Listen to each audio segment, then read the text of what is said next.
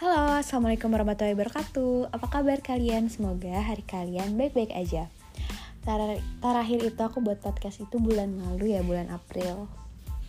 Nah sekarang aku buat lagi uh, random talk lagi nih random talk kedua. Uh, dan rencananya aku kayak mau uh, break dulu buat podcastnya. Walaupun makasih banget yang udah dengerin. Yang udah sampai 400 yang denger makasih. Cuma kayak aku mau move ke blog. Karena waktu itu aku udah janji uh, dulu tuh sekitar tahun 2019 itu aku aktif buat blog lumayan. Terus pas aku ke Jepang aku nggak bawa laptop. Jadinya aku nggak nulis. Nah ini barulah muncul di tahun 2020 pas aku ke Jepang muncullah si podcast ini. Karena media yang aku pakai hanya handphone. Jadi aku nggak ada laptop buat ngetik. Jadi ya udah aku sharing aja cerita cerita aku di podcast. Nah karena alhamdulillah aku dapat punya laptop baru jadinya laptop pribadi aku sendiri bukan laptop kantor. Jadinya aku pengen kalau ada waktu senggang atau apa aku beneran nulis di blog di blog aku namanya blog Just Can Lirit situ nanti aku bakal cerita banyak kayaknya.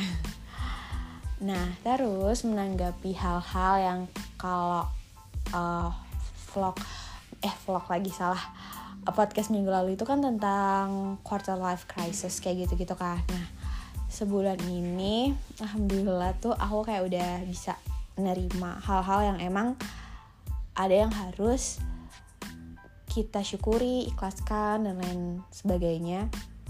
Itu karena aku juga baca buku dari filosofi teras.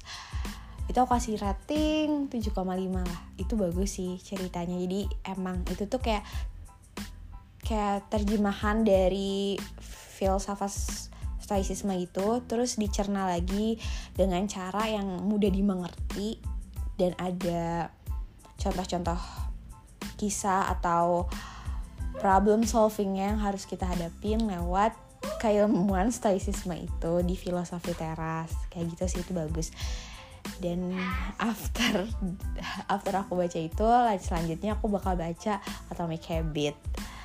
Jadi itu jadi beberapa nilai yang aku baca dari filosofi teras tuh banyak banget ya. Yang pertama dari cover booknya aja tuh udah lucu lah putih dan ada gambar orangnya tuh kayak perpaduan putih dan kuning habis itu di setiap babnya itu ada intisarinya gitu. Jadi kalau kita udah selesai satu babnya kita bisa review lagi dari uh, rangkuman yang udah dibuat oleh penulisnya. Itu uh, keren sih. Jadi kita nggak usah uh, capek-capek ngebaca dari ulang lagi tapi kita cukup kalau udah selesai udah gitu. Kita move ke selanjutnya dan kita bisa baca intisarinya terus ada hal-hal yang bisa kita terapin. Misal kayak misalkan kita nggak usah memusingkan kejadian yang emang udah lewat gitu. Atau kejadian yang masih jauh ke depan gitu. Kita harus mikirin apa yang terjadi sekarang aja gitu.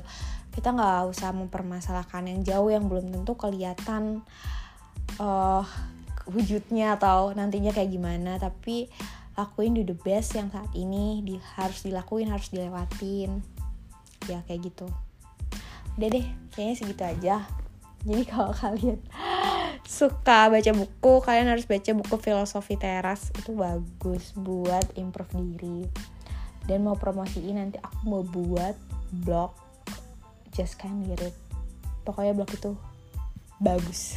Aku akan buat sebaik mungkin dan itu cerita-cerita dan pastinya adalah beberapa adalah pengalaman hidup aku. Jadi gitu aja. Bye bye terima kasih yang selama ini udah dengerin podcast aku